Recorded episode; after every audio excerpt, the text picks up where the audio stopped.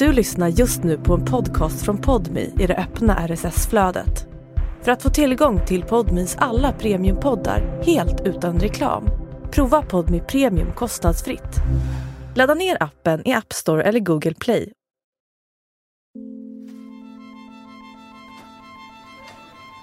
Så där satt vi eh, och såg ut som en vanlig familj men var långt ifrån det. Ett grönt hus en bit utanför Uppsala. Ute på verandan sitter Josefin med sin man, deras två barn och några släktingar som kommit på oväntat besök. Kaffekopparna står framdukade. De såg ju inte. De förstod ju. De kunde aldrig ana vad som försiggick. Utåt sett verkar allt helt normalt. Josefin lever vanligt familjeliv. Ingen runt bordet ser att hennes smink döljer blåmärken. Och det såg så fint ut på ytan liksom. Men eh, för mig var det ett arbete 24-7. Josefin ingår i Philadelphia-församlingen i Knutbys innersta krets. All hennes tid går åt till att tjäna församlingens ledare Åsa Waldau. Jag bar på en hemlighet att Åsa är Kristi brud, extra liksom speciell utvald människa. Och det kan jag ju absolut inte dela med vem som helst och det fick man ju inte göra. Josefin måste hela tiden vara på sin vakt. För om hon gör fel kan det leda till utskällningar, förnedring och slag. Det värkte i kroppen och sminket hade runnit för att jag hade gråtit och sen var det bara du fixar till det. Ingen ska behöva se det här idag. Hela hennes liv styrs av Åsas behov. Mannen och barnen får hon inte vara nära. Att gå emot sin ledare är helt otänkbart för Josefin. Trotsar hon Åsa trotsar hon även Gud och riskerar att förvisas till helvetet. Jag var rädd att komma utanför nåden och inte komma rätt inför Gud om man säger så. För mig var det liv eller död.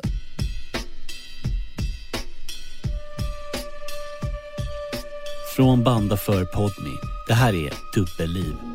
Jag heter Hugo Lavett. Hanna Thorn berättar Josefin Frankners historia som utspelar sig bakom fasaden i Knutby.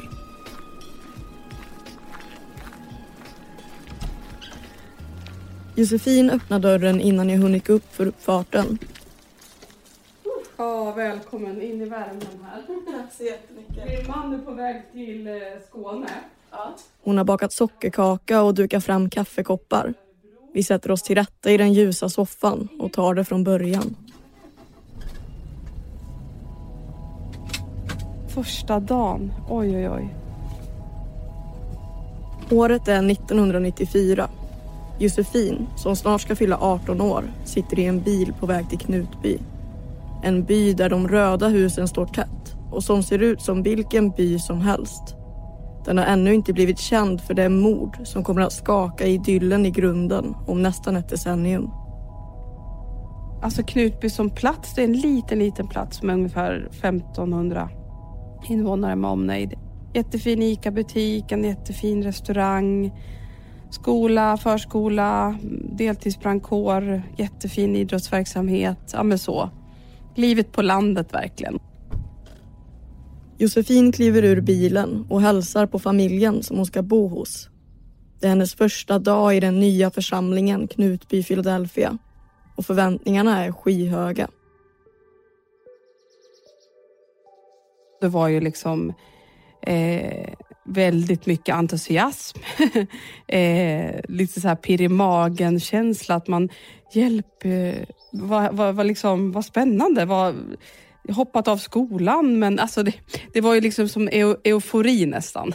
alltså i den här bubblan av att wow, det här kommer bli häftigt, det här kommer bli spännande. Det här livet liksom. Det nya livet. Ett liv som hon hoppat av gymnasiet för att starta. Trots föräldrarnas invändningar har hon och hennes pojkvän Samuel valt att följa med Josefins favoritpastor Åsa Waldau till Knutby, Philadelphia. De ska göra församlingen till något helt nytt tillsammans. Josefin ska bo som inneboende i ett stort trähus mitt i byn. Och nu står hon i sitt nya rum. Ja, jag tror faktiskt att de hade köpt nya lakan och liksom jag fick bädda min säng med nya lakan och, och liksom ställa in mina, mina saker. Det var ju liksom nej men det var ju en fantastisk känsla. Josefin lär känna barnpastorn Åsa när hon är 14 år och nyinflyttad i Uppsala. Hon kommer från en frikyrklig familj och går med i en ny kyrkgrupp där hon för första gången möter den karismatiska och inkännande kvinnan. Det första mötet det var ju liksom som en förälskelse. Alltså, jag bara wow, liksom, vad är det här för människa? Hon är 11 år äldre än mig då, så hon var ju fortfarande en ung, ung ledare. Och den här kvällen när vi möttes, det var en, ett café, eh, kafékväll och hon predikade och prat, eh, sjöng. Eh, och det här liksom hennes bruna varma ögon och att, hon hade ett väldigt naturligt sätt. Josefin känner sig direkt sedd av Åsa. Och när hon fyller 15 år kommer barnpastorn personligen hem till henne med en present. Det var ju flera, flera hundra ungdomar, nära barn och ungdomar i den här kyrkan. Och varför kommer hon till mig liksom? Hon köpte en blå necessär med papegojor på, kommer jag ihåg. Så fick jag den och sådär. Så det var ju helt otroligt. Sedan den första förälskelsen har hennes respekt för Åsa bara växt.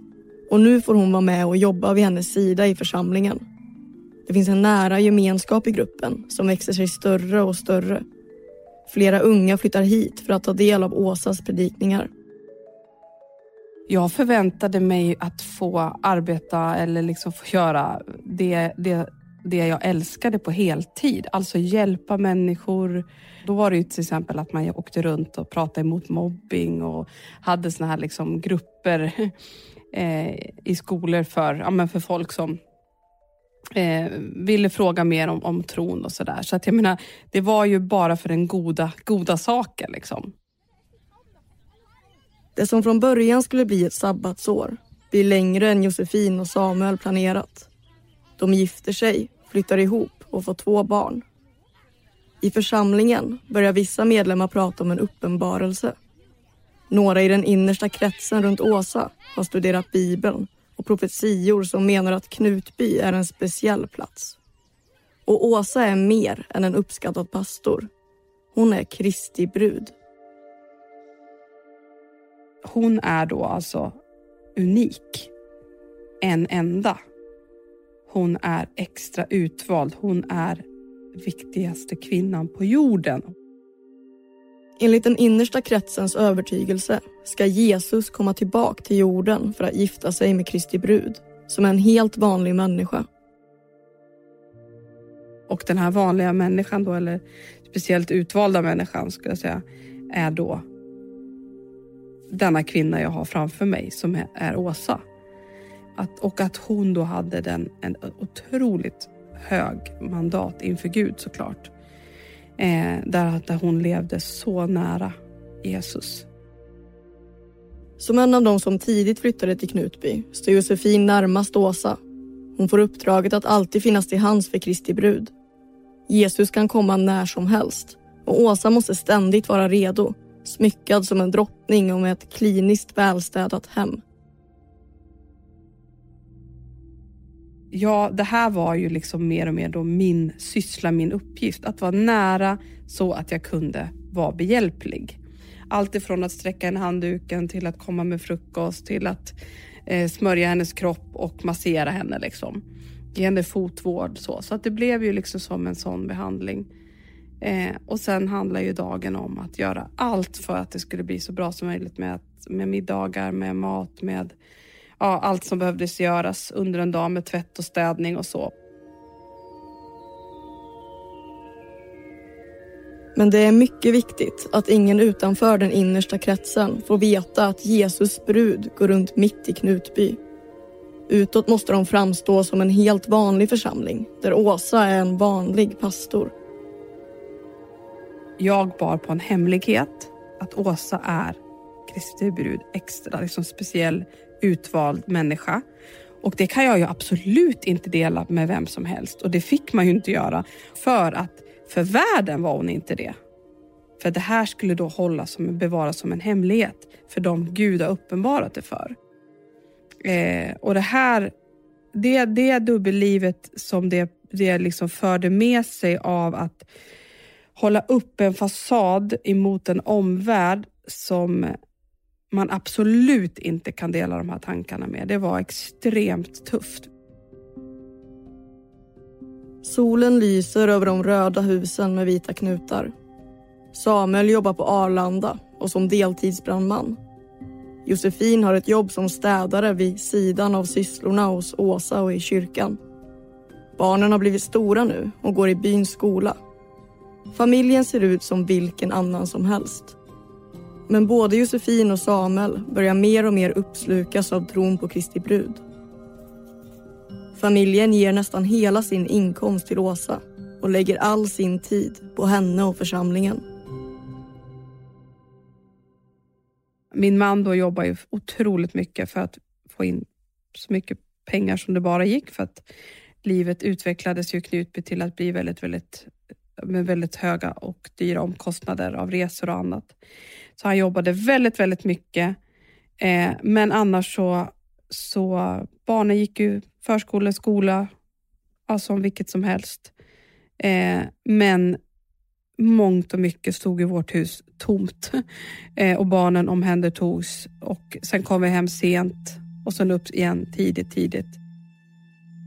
Josefins roll som mamma hamnar helt i skymundan. Ingenting får ta fokus från att tjäna Kristi brud. Det var ungefär som att de, de föddes eh, men sen så var det inte jag som hade liksom rätten till dem. Jag fick inte äga någonting. Jag fick inte ha någonting som var bara mitt för jag var Åsas. Och ingenting annat fick ta fokus. Eh, och att mina barn hade inte mitt första rum, första platsen utan de, hon, hon ordnade liksom så att andra skulle ta hand om dem eller att det skulle liksom finnas en miljö för, för de barnen att liksom inte vara beroende av sin mamma på det sättet. Eh, men jag fick liksom inte se dem som mina älsklingar, mina första, de här jag sätter allra, allra först. Hon vågar inte berätta för någon hur de egentligen lever. Men en dag kommer några släktingar på oannonserat besök. Josefin är i Åsas hus och städar som vanligt när Samuel ringer.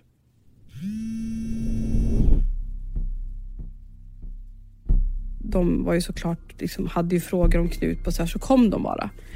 Eh, och eh, där min man då möter dem och bara snabbt som ögat försöker samla ihop oss som familj. Och jag kommer ihåg vi bara liksom infann oss hemma och så spela med och bara nu fikar vi liksom som att ingenting är konstigt här. De sitter i sina arbetskläder på verandan och fikar. Josefin, Samuel och deras två barn är samlade i sista sekund. Släktingarna kan inte ana att det här skulle vara något ovanligt.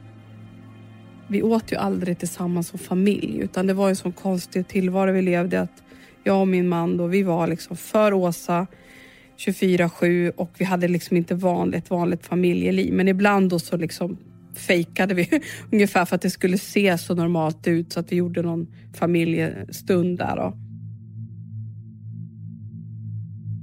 Prydligt framställt i huset, som hon bara sover i på nätterna, finns ett fotografi det är från Josefin och Samuels enda semester ensamma och fungerar som ett bevis på att de är helt vanliga utan hemligheter som bubblar precis under ytan.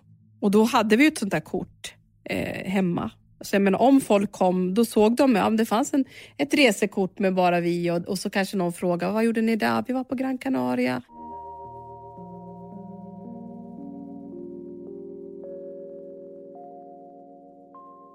Ja, man såg ju ingenting så man förstod ju ingenting.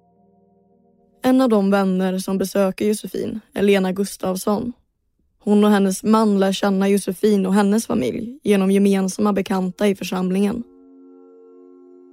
Det enda vi tyckte när vi var där ute, det var ju att, att ja, alla verkar ha det bra för att det, det var ju glada människor så. Lena ser att Josefins barn mest är hos en annan familj.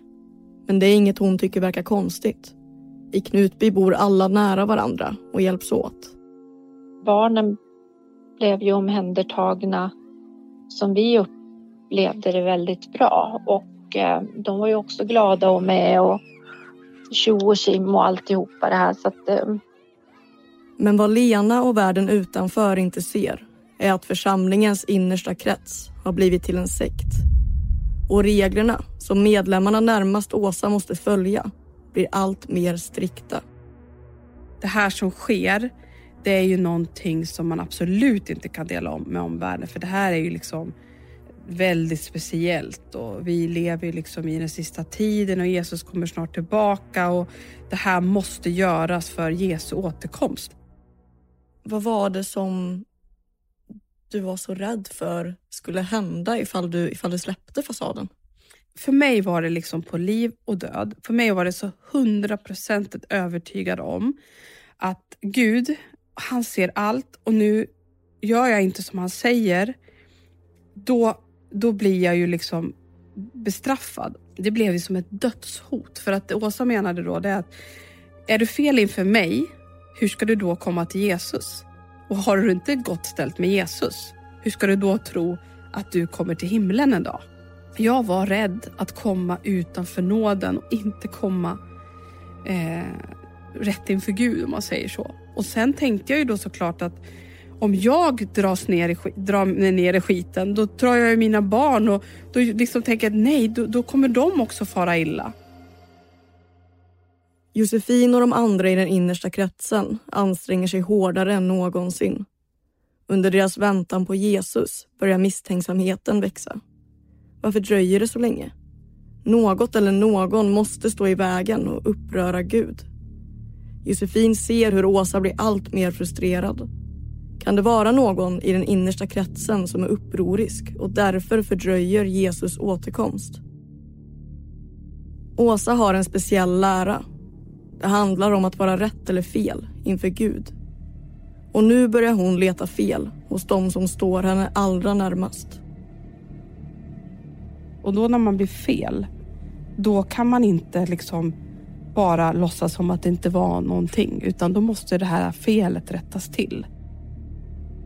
Att komma rätt inför Gud kan ta tid. Och fram till att man förtjänat att vara rätt får man leva som en utstött, för allas bästa. Josefin har varit med i sekten i tio år, som Åsas tjänarinna. Men hon går ändå inte säker. En dag skiftar församlingens varma gemenskap mot iskallt bemötande. Josefin har enligt Åsa blivit fel. Hon får aldrig någon förklaring men förstår att det måste vara allvarligt. Kanske är det hon som står i vägen för Jesus och Kristi brud. Då var det ju inte egentligen Åsa Millions of people have lost weight with personalized plans from Noom. Like Evan, who can't stand salads and still lost 50 pounds. Salads generally for most people are the easy button, right? For me, that wasn't an option. I never really was a salad guy. That's just not who I am. But Noom worked for me. Get your personalized plan today at Noom.com. Real Noom user compensated to provide their story. In four weeks, the typical Noom user can expect to lose one to two pounds per week. Individual results may vary. jag inte lyckades följa utan det var Gud. Och där blev jag då fel mot Gud. Det blev ju en skymf mot Åsa när jag var fel. För jag om någon, som jag hade känt henne sedan jag var 14 och jag om någon borde verkligen veta bättre. Hon går från att tjäna vid Åsas sida varje dag till att inte få träffa sin ledare överhuvudtaget. Att hon har blivit fel kan enligt Åsas synsätt påverka hennes man och barn. Så i perioder isoleras Josefin helt från sin familj.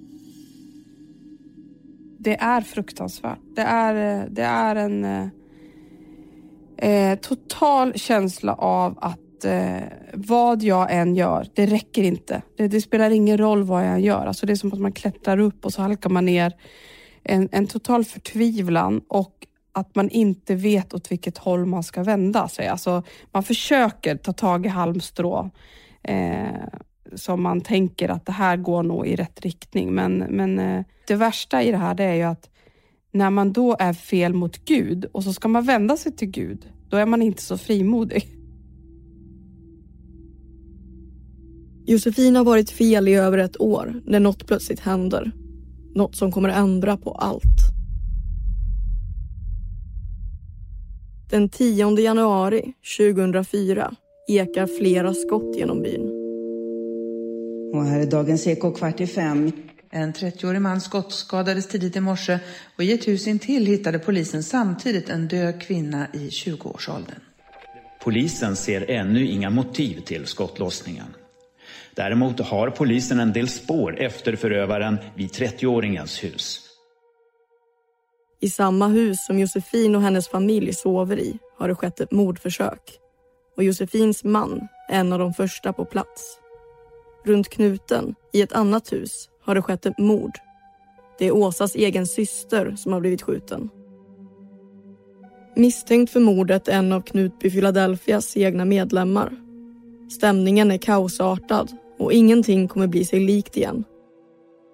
Åsa måste skyddas från omvärlden och den krets som omringar Kristi brud sluts nu ännu tätare.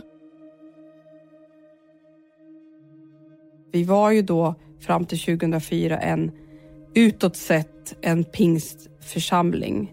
Eh, men sen blev det ju såklart att pingströrelsen visste ju inte hur att hantera detta och det ledde ju då också till att, att Knutby Philadelphia blev utesluten ur pingströrelsen och då blev det ju att vi slöt oss ännu mer.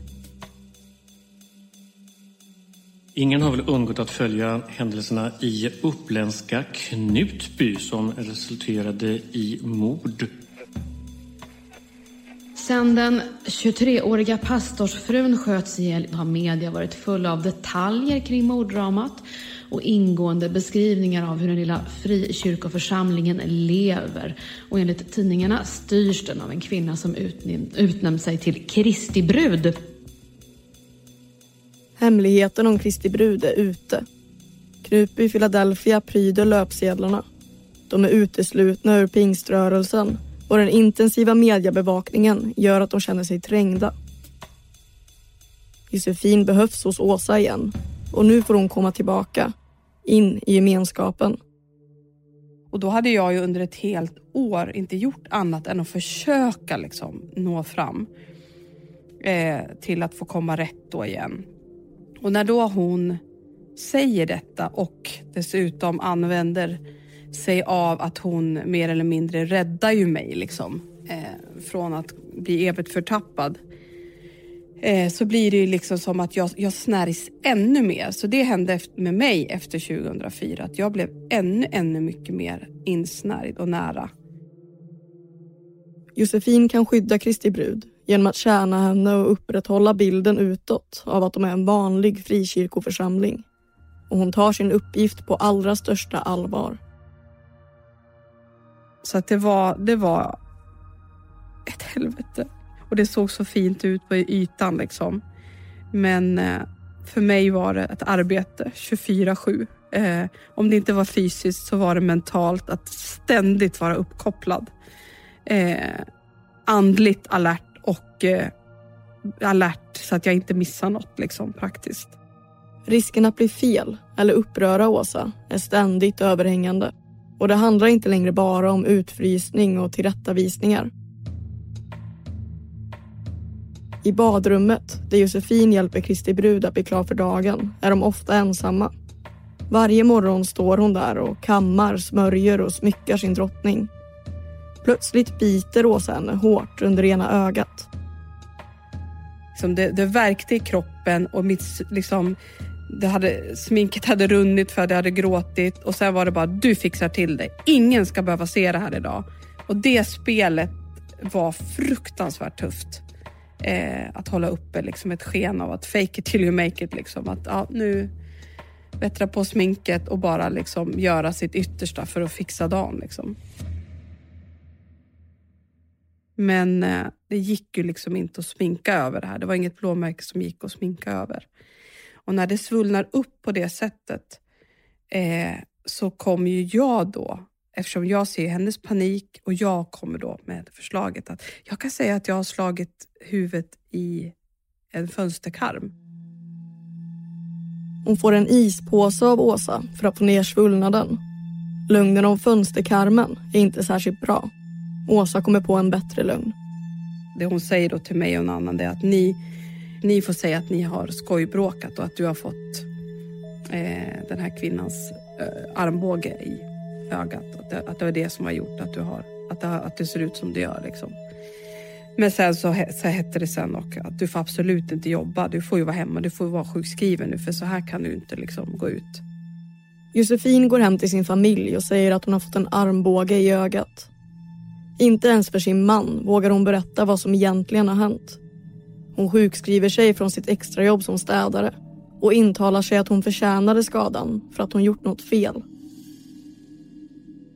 Det fanns inte på kartan att tänka att det var Åsa det var fel på. Eller att det här, det var det vi levde i var fel på. Utan allting kommer ju tillbaka till att om det är något som är fel, då är det jag som är fel.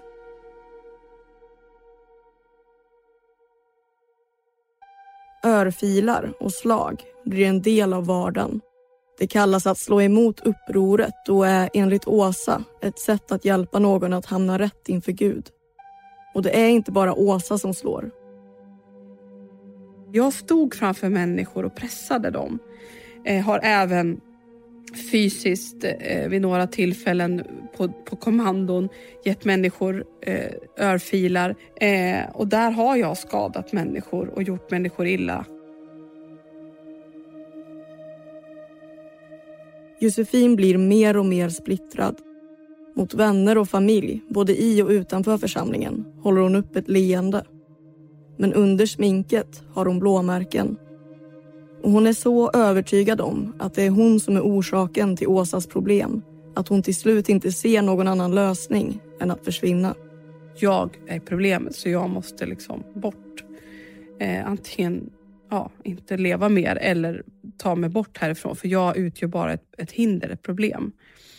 Men eh, såklart det som ändå höll mig kvar liksom, var ju att jag har mina barn, liksom, mina kan inte göra så här mot dem, fast jag inte fick se dem som mina barn. Men... Så hon lämnar inte? Och samtidigt som den innersta kretsen kämpar med att vara rätt försöker man förbättra församlingens image. De vill visa att sektryktena inte stämmer. Framför allt efter mordet 2004, detta fruktansvärda som hände i Knutby, så vände Åsa det till att vi ska minsann visa omvärlden vad vi vill och att vi vill gott. Församlingen startar upp ett spa och sätter upp musikaler. Och det var ju som eh, ja, att vara på Broadway brukar jag säga när jag var där ute. Det var helt magiskt. Josefins vän Lena och hennes man ser på musikaler och går på spa. För en billig peng får de komma på en hel weekend hos Knutby Philadelphia med aktiviteter, behandlingar och mat. Det var ju som rena rama ja, restaurangmaten. De hade gjort, dukat upp väldigt fint och lagat fantastiskt god mat. Och sen på kvällen så var det ju spa. Och då var det ju församlingsmedlemmarna som gjorde det på oss då. Och de var ju jättetrevliga och, och glada och så. Men Lena reagerar på att hennes vän Josefin har mycket att göra. Eh, ibland upplevde jag nog att hon var väldigt stressad och hade alltid telefonen med sig liksom och ja, kunde svara på samtal och sånt där mycket. Eh, men ändå för mig så var hon glad. De såg ju inte. De förstod ju, de kunde aldrig ana vad som försiggick. Samtalen och smsen som Josefin ständigt svarar på handlar alltid om Åsa. Hon behöver hela tiden vara tillgänglig. Jag hade inget egenvärde. Jag hade liksom ingen... Min identitet var jag är, är eh, slav. Jag är för Åsa. Jag, är, jag finns för hennes liv. Men eh, eh jag plågades verkligen eh, i att inte få sova, inte få äta. Eh, jag såg dåligt, jag fick inte gå till optikern så att jag var liksom plågad av att inte se. Men jag led ju av att inte få leva med min familj. Få leva nära liksom mina kära. Eh, få vara med min man, få vara med mina barn. Eh, och sen att, att leva i den här ständiga jakten. Alltså ständigt 24-7 jagad. Eh, det fanns ingen paus, det fanns inget stopp, det fanns ingen tid för ett privatliv eller reflektion. Att bara vara för mig själv. Inne i sekten eskalerar våldet. Josefin blir slagen, sparkad och dragen i håret av Åsa. Men hon fortsätter att ständigt stå vid hennes sida. Och när hon kommer hem till sin man Samuel fortsätter hon ljuga. I enlighet med sektens regler lever de i celibat och Josefin får inte berätta hur hon egentligen har det. Jag dolde ju självklart blåmärken och eftersom vi inte levde fysiskt så gick ju det att dölja. Eh, och ljuga i att eh, om han, han eh, liksom vid något tillfälle frågade någonting så hade jag öppnat och sagt, då hade det kanske lett till att vi hade börjat prata och det visste jag att det kunde vi inte göra. Liksom. Vi fick inte prata. För det hade lett till att vi hade haft som en egen värld och det fick vi inte ha. Men till sist måste de prata med varandra. Det har hunnit bli våren 2016 när något avslöjas som kommer skaka Josefins tro i grunden. Och det blir början på hennes uppbrott från sekten. Det som fick mig att till slut ta steget ut, det är ju detta fruktansvärda som hände min egen dotter. Eh, där hon, när hon är 17 år, blir sexuellt utnyttjad. När familjen en kväll är samlad berättar Josefins dotter att hon har blivit sexuellt utnyttjad av en pastor i församlingen. En man som Josefin har litat på och sett upp till. När hon vågar öppna sig och berätta det här i, på våren 2016 och så dröjer det ända till oktober innan vi, vi går. Josefin och Samuel tar sina två barn och flyttar bort från Åsas tomt. För första gången sen Josefin kom till Knutby tar hon avstånd från Åsa och församlingen. Vi, vi lämnar, vi går ut från sekten. Eh, och där påbörjades ju en process där jag började sätta ord på eh, vad är det jag har levat i och försöka förstå. De första månaderna blir omvälvande. Josefin och hennes man behöver omvärdera allt de tidigare trott på. Under många år har de varit hårt styrda av sektens regler om familjeliv och avhållsamhet. Nu försöker de lära sig att leva ett vanligt liv som man och hustru. Och mitt uppe i det händer något oväntat. När vi då börjar ta över, över livet själv så blir jag gravid. Helt otroligt. Jag är 40 år då.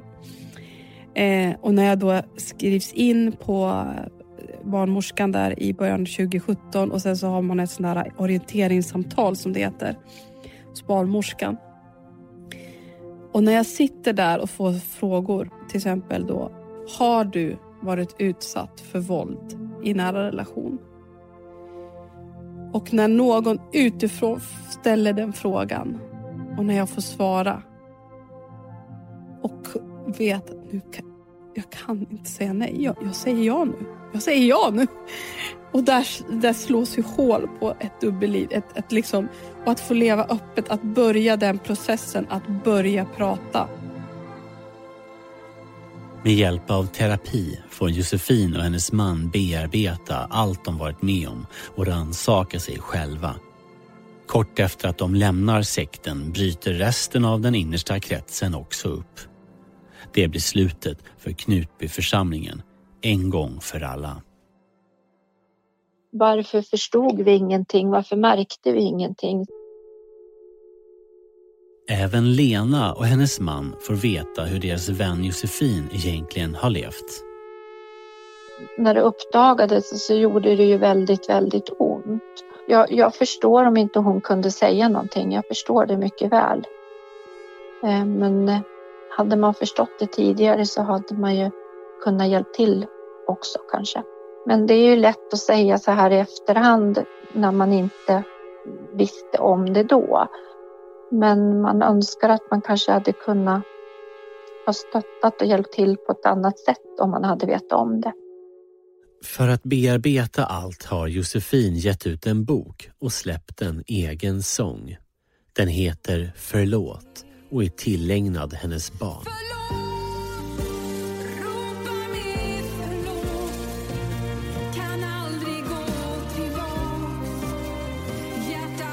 Idag sitter Josefin i familjens nya hem i Västerås.